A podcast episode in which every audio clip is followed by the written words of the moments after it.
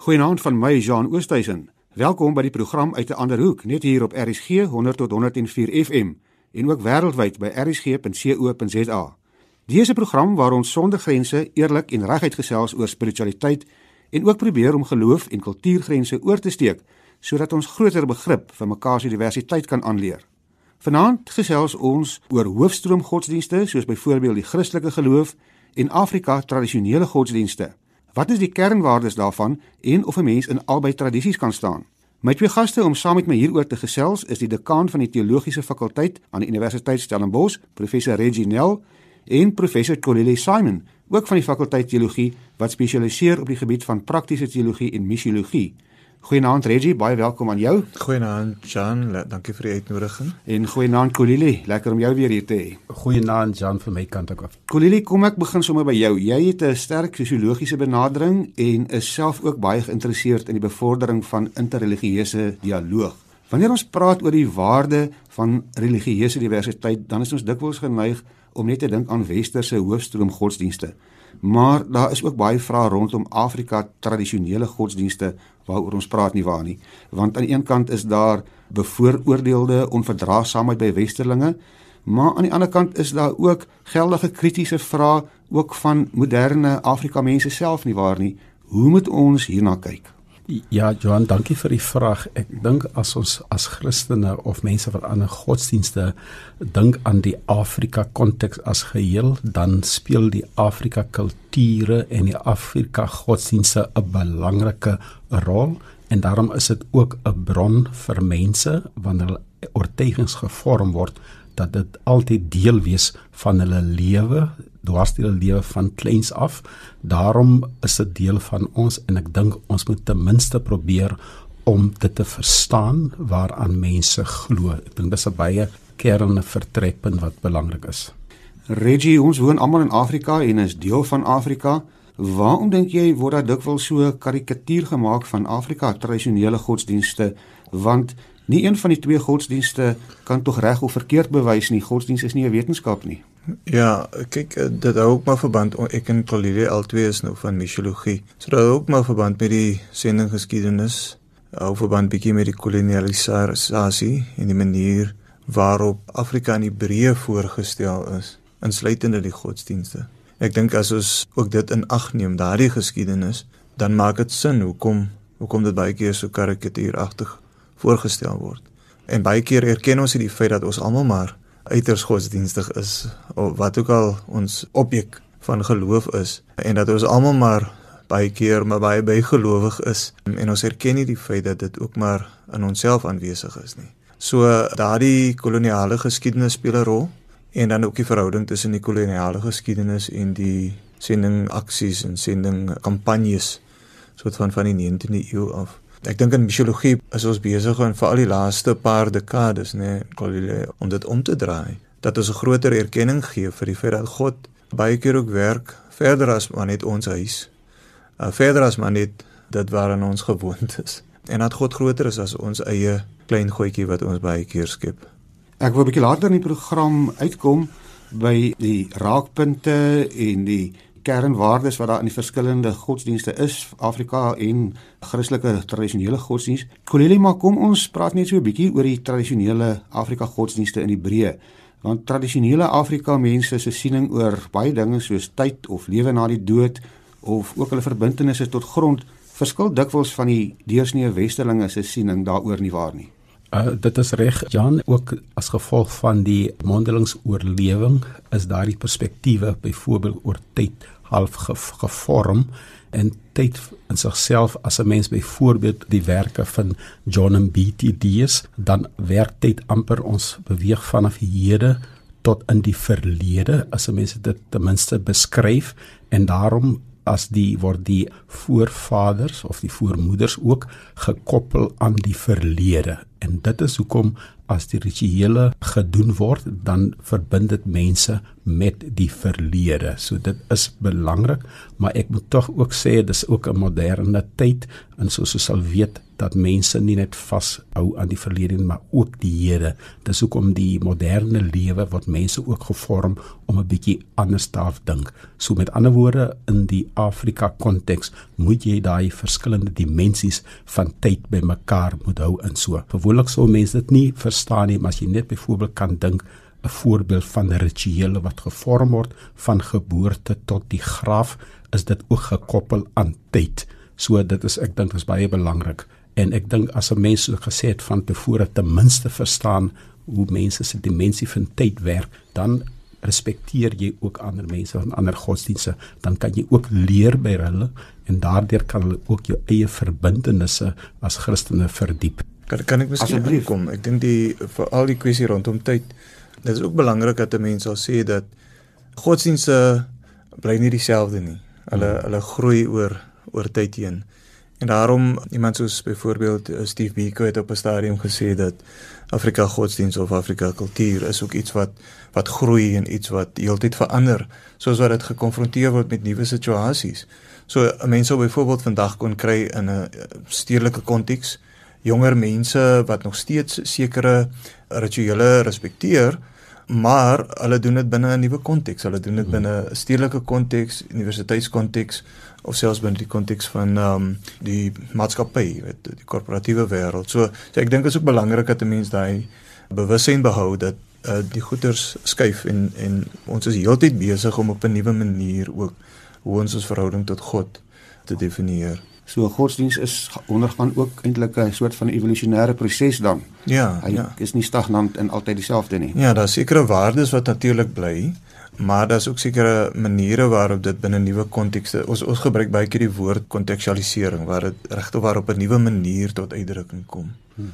Kolile, kom ons kyk nou nog 'n aspek. Wat is die tradisionele Afrika godsdienste se siening byvoorbeeld van lewe na die dood en hoe verskil dit van kom ons sê maar die hoofstroom Christelike geloof oor lewe na die dood? Is daar ook in daardie tradisie konsepte soos hemel en hel of verskil dit van die Christelike tradisie? Uh, Jan, ek dink dit verskil van die Christelike uh, tradisie. Dis eintlik een van die baie begrippe dat mense nie eintlik kan uh, vergelykie. Daarom as jy daarop praat, moet jy baie baie versigtig wees in sigself. Kom ons vat byvoorbeeld die uh, dalk die maklikste ene die die godsbegrip, né? Uh hoe jy as 'n voorvader in die verlede half inbeweeg in die verlede uh, kan jy nie verstaan dieselfde manier hoe ons die hemel en aarde half al verstaan is totaal ander verstaan daarvan en so so die lewe na die dood word gekoppel aan die gemeenskap aan die voorvaders en dit of so ja, ek dink dit is 'n bietjie totale verskillende manier om na die hemel te kyk. En as ons byvoorbeeld die hemel ook gebruik as 'n begrip, dan moet ons weet binne die Christendom as 'n verskillende verstaane om dit dan nou nog te vergelyk met 'n soort soorte hemel in die Afrika konteks. Jy kan dit eintlik nie half half half vergelyk nie. Ek sal byvoorbeeld sê een van my PhD studente het op 'n tyd navorsing gedoen oor die verstaan van van van die hemel byvoorbeeld binne die Afrika onafhanklike kerke wat soms beskou word as baie nader in die aan die Afrika konteks en hy het toe uitgevind hoe die vraag vra uh, oor die hemel te kom hy agter is die statistiek is baie laag mense dink jy daaroor nie maar as jy begin dink oor die lewe oor gesondheid oor die lewe wat kom dan begin 'n begrip mense meer begrip daaroor af so. So dit het ook al klaar gewys daar. Dis is nie eintlik iets waaroor mense dink in 'n Afrika konteks of so nie. As jy oordink, dan is dit gevolg van die invloed van van die Christendom. Maar ja, Regie en selfs in die Christendom is daar groot verskille in debatte oor die konsep van hemel en hel. Daar is nie eensstemmigheid daaroor in die Christelike geloof self nie, nie waar nie. Daar is nie eensstemmigheid nie en, en ek dink dan die, by die Bybel is daar ook so 'n van 'n ontwikkeling in terme van die eskatologie of in terme van hoe mens jou wêreldbeeld Deesdae uh, is daar ook natuurlik lang debatte oor hoe ons of ons praat van hemel, ons praat van hel en ek dink dit is belangrik dat daai debatte gevoer word omdat ons verskil van mekaar. Ek het nou net byvoorbeeld net gedink terwyl Tolile praat dat binne die Afrika konteks was godsdiens ook nie gesien as iets apart van die lewe nie. Nee, hmm. dit was dit was ek praat nou maar ook vanuit die Uh, mens moet ook dink aan die koi godsdienste en ook die san godsdienste. Die transcendente, die bonatuurlike of God was was verstaan in terme van die realiteite van die dag of ek nou moet gaan jag of ek moet gaan kos kry of waar ek water gaan kry, wanneer ek water gaan kry, daai tipe van goed is die konkrete werklikheid waar binne God verstaan is. So daar is nie 'n aparte gebou of 'n aparte tyd van die week of wat ook al dit hou verband met die werklikhede. En, en en dit is godsdienste wat veel ouer is as die Christelike godsdienst, die KOE nie. Saam ja. godsdienst waarna jy byvoorbeeld nou verwys. Dit is ou ou gevestigde godsdienste.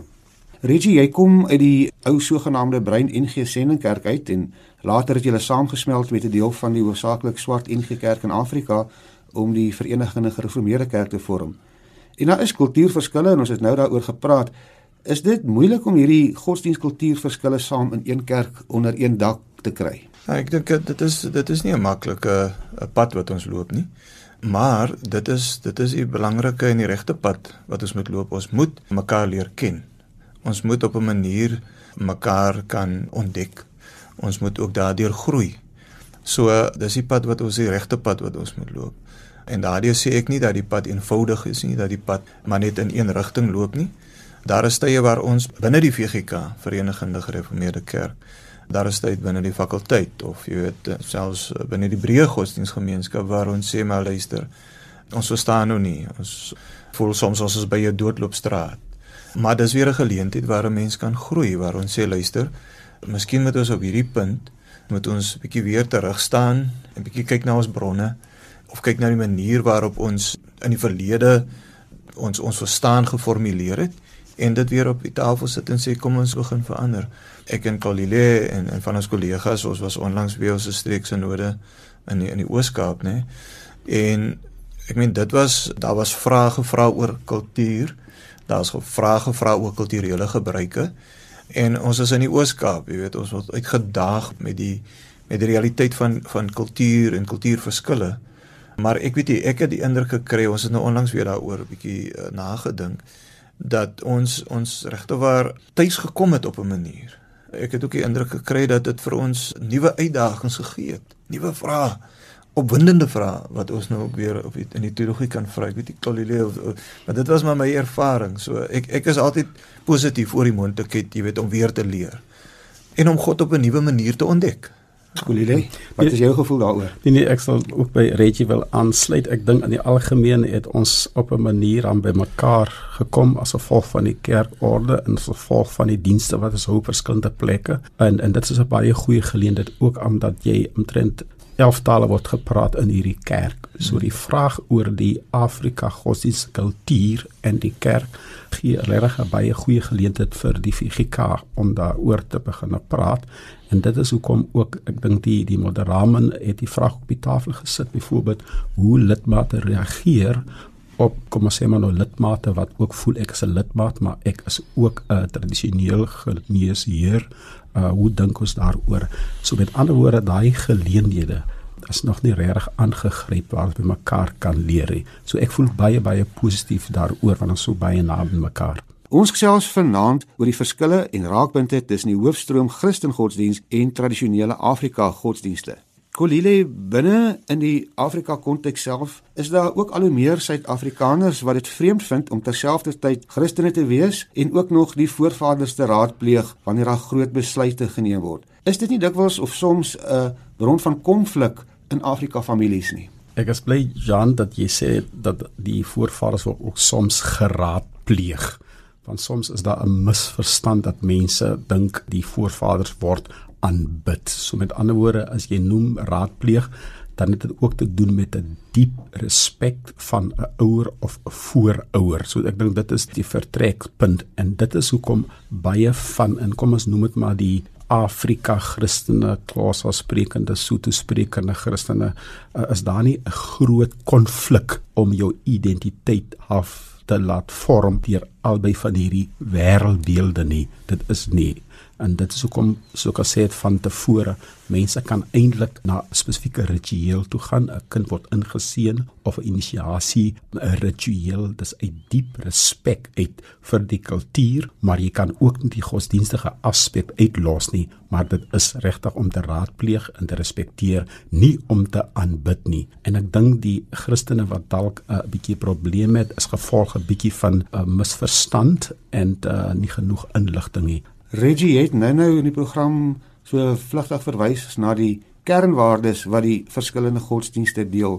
Wat is van hierdie belangrikste kernwaardes van vir jou? Ja, ek dink uh, een van die belangrikste is die sentraliteit van lewe, nê? Die feit dat die lewe is onverdeeld. Daar is nie daai skerp onderskeidings tussen byvoorbeeld hoe God homself manifesteer in die in die natuur, hoe God homself manifesteer in die mense se bestaan nie. Een van die groot wonderlike waardes dink ek is wat ons nou baie keer mas noem noem ubuntu. Ons is mens deur ander mense. Ons is nie bloot mens deur ons eie individuele rasionaliteit nie. Ons is mens omdat ons staan in verhoudinge met mekaar. Collie het 'n paar keer verwys na die verhoudinge tussen ons as lewende mense met mekaar, maar ook ons verhoudinge met die wat vir ons al vooruit gegaan het. Ons staan nog steeds in 'n verhouding met hulle op 'n manier en daar's nog steeds erkenning vir die tipe van rol wat hulle in ons lewens speel. So dit gaan oor daai aspekte, dit gaan oor die sentraliteit van die lewe, dit gaan oor die onverdeeldheid van die lewe, dit gaan oor verhoudinge, ons is mens deur ander mense en dit is dis die tipe van goed wat ek dink ons ons saambind. Jy weet as ek nou net vinnig kan iets sê, een van die goed wat veral ook in die breingemeenskap, die koi agtergrond of die san agtergrond en die link uh, verbintenis met sê byvoorbeeld Amakosa is die emosie waarmee ons aanbid, die emosie waarmee ons deur ons liggame baie keer ook uitdrukking gee aan ons verhoudinge en en dis die tipe van goed dink ek wat gelowiges saambind of wat mense saambind wat van daai agtergrond is. Kolile, dit bring my by sekere praktyke wat soms probleme skep soos byvoorbeeld inisiasieskole. Ons weet baie seuns sterf byna jaarliks tydens hierdie inisieringsseremonies. Honderde kinders met ernstige beserings, infeksie en dehydrasie gehospitaliseer word. Hoe moet ons hierdie probleem aanspreek?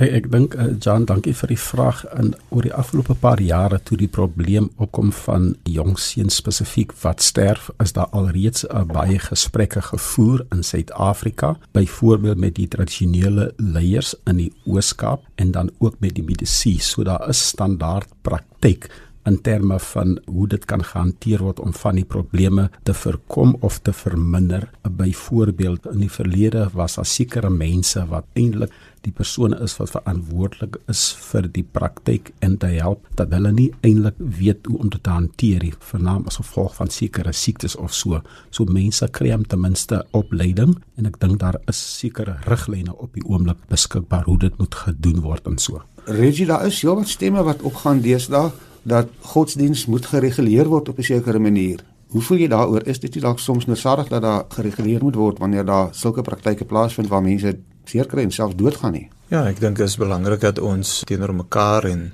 ook teenoor die res van die samelewing dat ons verantwoordbaar is en dat daar 'n bietjie van transparansie is, deursigtigheid terme van wat ons doen. Die vraag is egter op watter vlak die regulasie moet wees want die gevaar is en ek het dit nou al by 'n paar geleenthede genoem dat die gevaar is dat as die regering verantwoordelik is vir regulasie, dat die regering dan dit kan ook kan gebruik om die profetiese stem van geloofsgemeenskappe dan soort van uit te doof. Geloofsgemeenskap of 'n geloofsleier wat byvoorbeeld die regering kritiseer kan sê maar van die rol afgeskraap word en dan uiteindelik onwettig wees. So dis die gevaar wat daar verbonde is om 'n regulasie deur die regering af te dwing. Ek dink die regulasie moet wees tussen die geloofsgemeenskappe. Ek dink is belangrik dat ons ons het onlangs weer daaroor gepraat in in gesprek met ons kollegas van Islam dat dit belangrik is dat ons teenoor mekaar ook verantwoordbaar is. Jy weet rondom iets soos byvoorbeeld 'n vraag rondom conversion, jy weet bekering of 'n vraag rondom hoe werk ons saam, jy weet om iets positiefs vir die gemeenskap in die wêreld. Goed, maar die hele ding dis mamma ons ons het hier tot ons het te doen met met kinders wat letterlik doodgaan. So mense het 'n afdwingbare regulasie nodig nie waar nie. Jy gaan dit baie moeilik net by wyse van onderhandeling reg kry. Ja nee nee nee, ek dink ek dink daar moet uh, ek stem saam, daar moet strukture wees en dan moet 'n code of conduct wees. Ek stem saam, daar moet uh, maniere wees waarop daar opgetree word. Ek is net versigtig dat wanneer dit die regering word, dat die regering dit dan gebruik om soort van die stem van godsdienstgroepe dan stil te kan maak. So dit dis al daai punt waar ek miskien 'n bietjie ongemak het met regeringsintervensie. Baie so die media gee ook nie om vir regulasie nie, maar hulle wil ook nie hê dat dit deur die regering op hulle afgedwing moet word nie. Hulle verkies om hulle eie code of conduct en die tipe van ding ja, te stel. maar dan moet ek stem saam met jou, daar moet 'n manier wees waarop ons mekaar verantwoordbaar hou, maar maar dit is altyd versigtig as die as die regering dit doen. Kolile dan is een van die groot debatte in kerke wêreldwyd die hele debat oor homoseksualiteit. En ons weet in baie Afrika lande is dit 'n algehele taboe en in sommige gevalle selfs met die dood strafbaar. Wat is die uitgangspunt van tradisionele Afrika godsdienste oor homoseksualiteit? Jan, dankie vir die vraag. Ek dink as jy byvoorbeeld verwys na 'n plek waar dit eintlik onmoontlik is, dan verwys jy ook na 'n konteks soos Uganda. En elke konteks sal baie baie uniek wees hoe mense dit hanteer. Dit is 'n baie komplekse vraag wat jy vra en ek wil definitief nie op hierdie vlak namens ander mense praat nie, maar dit is 'n belangrike een. Ek het wel toe so 'n bietjie so vinnig kyk in terme in die literatuur het ek ook agtergekom daar is sekere moontlikhede waar 'n mens hy gesprek kan voer van binne 'n gemeenskap ook in terme van die Afrika tradisionele godsdienste. Nou een van die belangrike groep mense is die tradisionele geneesere die sangomas. En baie keer hulle selle verhouding onder mekaar het ek agtergekom uit die navorsing. Daar is 'n gesprek rondom dit. En ek dink daar kan 'n mens ook begin praat. Dat jy nie net van buite geloof praat oor ander nie, maar met saam met hulle. En ek dink as 'n mens daai navorsing so ver kan oorgesels in terme van die sangoma wat dieselfde geslagverhouding is vandag, is eintlik 'n baie lekker plek om te praat want dan praat jy nie net oor sekere elemente nie, jy praat oor die hele godsdiens wat regtig verskillende vlakke oor het. So ek dink dit is 'n belangrike tema wat ons moet altyd oor praat. Reggie, ek was al by VGK se net is ook waar hierdie debat gevoer is en ek moet vir jou sê die debat is in sommige kere was daar harde uitsprake, ander kere was dit nogal sinvolle debatte gevoer. Is homoseksualiteit dan net 'n westerse ding soos wat sommige mense beweer of is dit nie net 'n westerse ding? Ja, ek dink soos Colile nou reeds na verwys het, dit is nie net 'n westerse ding nie. Die debat is ewig binne die VGK en een van die dinge wat ek ervaar het, ek meen ons het 'n paar van daai ruimtes gedeel, is dat selfs jy weet tussen sê maar Sesotho sprekendes of dis Setswana sprekendes. Jy weet is die debat baie keer nie net tussen jonger generasies en ouer generasies, dit is ook baie keer tussen in families, in die middel van families wat wat die tipe van gesprekke gevoer word. En dit kom terug na wat ek vroeër na verwys het, is dat ek kry die indruk dat godsdiens is en ek sluit hom aan by weer eens by Biko. Godsdiens is iets wat nie staties bly nie. Hy is heeltyd besig om te verander en ek dink ook in die gesprek binne die VGK het ek die laaste paar jaar agtergekom dat daar is 'n baie diep gesprek en daar is positiewe ruimte soos jy sê en dan is daar ook tye waar mense nou moet in jou skoene sak. Ons praat nou van diskriminasie op grond van seksuele oriëntasie. Hmm. Kolile, maar wat van patriargie? Gaan vroue in Afrika nie nog baie sterk ook gebuk onder patriargie nie? John, die patriargie is 'n begrip kan soms ook baie breed wees. Ek dink baie keer het ook die vroue binne Afrika konteks daardie ruimtes half bemiddel in terme wat aanvaarbaar is en nie aanvaarbaar is nie. Want mense kan soms in die algemeen vir algemeen in sê Afrika kultuur is patriargaal, dit alles gaan in so. Dink net soos enige ander konteks is dit ook 'n uitdaging. Hoe mense daar omgaan is dan 'n ander vraag. Regie as ons oor diskriminasie praat, het sy nou oor seksuele oriëntasie of teenoor vroue. Jy is 'n uh, die VGK.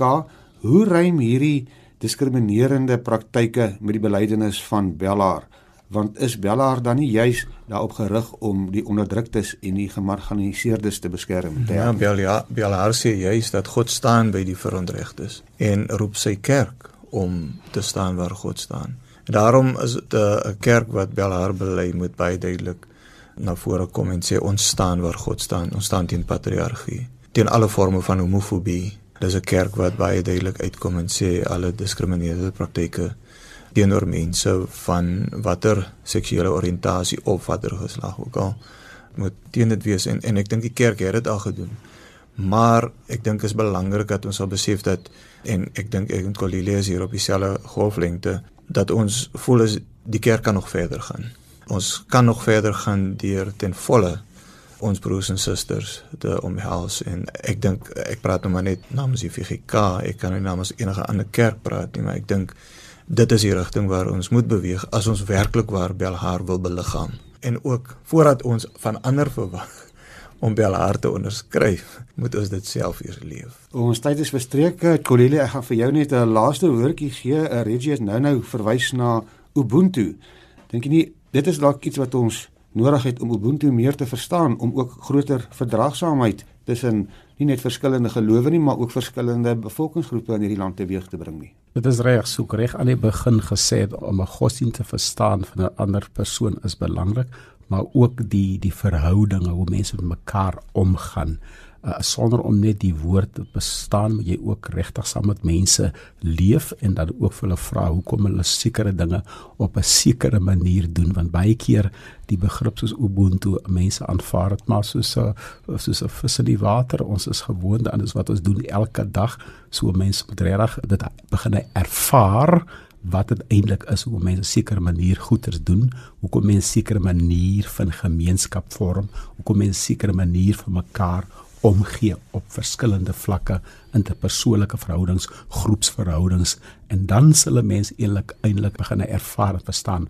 waarom dit gaan om verbind met mekaar te wees. So dis nie net 'n breë begrip nie op breë praktyk nie dit word ook gekoppel aan die Afrika 'n godsdienst die gemeenskap is baie breër as wat ons kan sien En dit is hoekom 'n mens byvoorbeeld sê as jy regtig nou oor Ubuntu wil praat, dan moet jy ook praat oor die ander rituele waarin dit ook gevorm word. So dis nie net 'n westerse oop begrip wat alles kan beteken nie. Daar's spesifieke inhoud wat 'n mens ook moet verstaan en dan 'n waardering daarvoor gee en daardeur kan 'n mens met mekaar ook leer. Baie dankie. Ons gaan nog sommer lekker lank hieroor kon gesels het. Jy het geluister na die program uit 'n ander hoek waar ons vanuit verskillende hoeke na spirituele sake kyk. Dankie aan my gaste, professor Reginel, dekaan van die teologiese fakulteit aan die Universiteit Stellenbosch en professor Cordelie Simon, ook van die fakulteit teologie Stellenbosch wat spesialiseer in praktiese teologie en missiologie. Onthou, al die programme kan ook as 'n potgooi op RSG se webwerf afgelaai word. As jy wil kommentaar lewer, kan jy vir ons 'n SMS stuur na 45770. Dit kos jou R1.50 per SMS of sluit aan by ons Facebookblad uit 'n ander hoek. My e-posadres is jean.oosthuizen@gmail.com en my Twitter-handvatsel is jeanoost. Baie dankie dat jy saamgeluister het. Van my, Jean Oosthuizen. Goeienaand en totsiens tot volgende week dieselfde tyd weer net hier op RSG 100 tot 104 FM. Geniet die res van jou Sondag aand.